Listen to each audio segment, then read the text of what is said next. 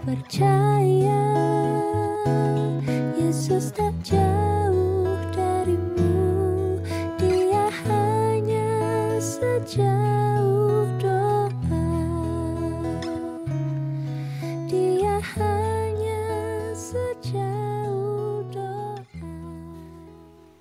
Berdoa dengan Mazmur, Mazmur pasal yang keempat, ayat 6 sampai 8. Beginilah bunyinya. Banyak orang berkata, siapa yang akan memperlihatkan yang baik kepada kita? Biarlah cahaya wajahmu menyinari kami, ya Tuhan. Engkau telah memberikan sukacita kepadaku, lebih banyak daripada mereka ketika mereka kelimpahan gandum dan anggur.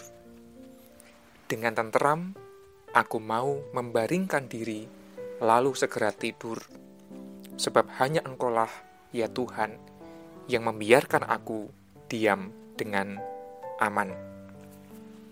Saudara-saudara, bisa tidur dengan nyenyak adalah sebuah hal yang berharga. Jikalau kita bisa tidur dengan nyenyak, maka fisik kesehatan kita akan terjaga. Namun juga mental kita, emosi kita akan terjaga. Sebaliknya jikalau kita kurang tidur atau tidurnya gelisah, kurang bisa nyenyak, tidak hanya berdampak pada gangguan fisik, namun juga gangguan mental dan emosional. Menariknya adalah salah satu doa dari pemazmur, Mazmur pasal yang keempat, adalah agar ia bisa tidur dengan tentram. Mazmur 4 ini diberi judul Doa pada Malam Hari. Saya membayangkan doa ini diungkapkan oleh pemazmur menjelang ia tidur. Ayat yang ke-8 menyatakan demikian. Dengan tenteram, aku mau membaringkan diri, lalu segera tidur. Sebab hanya engkaulah ya Tuhan, yang membiarkan aku diam dengan aman wonten ing pertalan basa Jawi ayat 8 kacetha mekaten.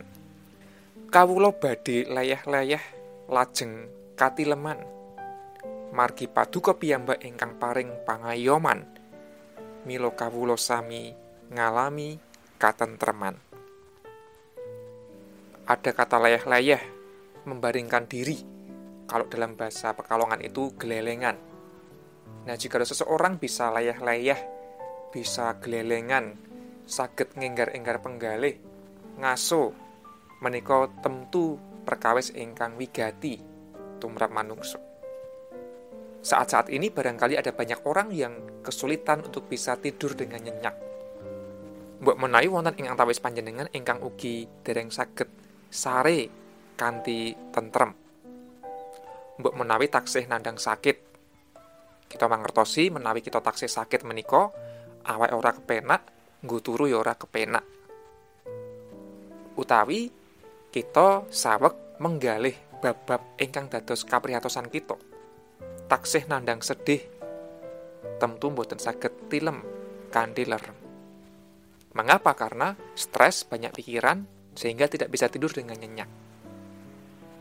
Nah, kamongko menawi kita saged tilem kanthi prayogi sekeco menika dados bab ingkang wigati sangat. Barangkali yang kita perlukan adalah doa seperti yang dilakukan oleh pemazmur pada malam hari sebelum ia tidur. Pemazmur punya keyakinan bahwa hanya Tuhanlah yang memberikan pengayoman sehingga ia merasa tentram.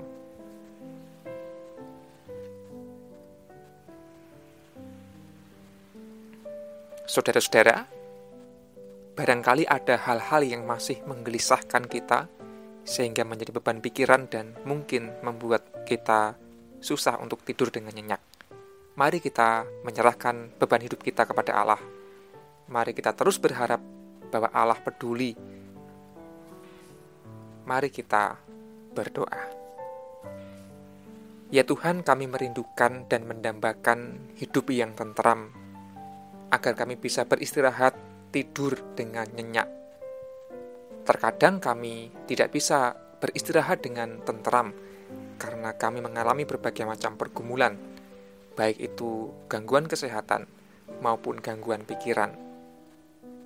Kami juga berdoa seperti pemazmur yang meyakini bahwa Tuhan yang akan memberikan ketenangan batin, Tuhan yang akan memberikan keteduhan, Tuhan yang akan terus mengayomi kehidupan kami sehingga kami bisa membaringkan diri dengan tentram.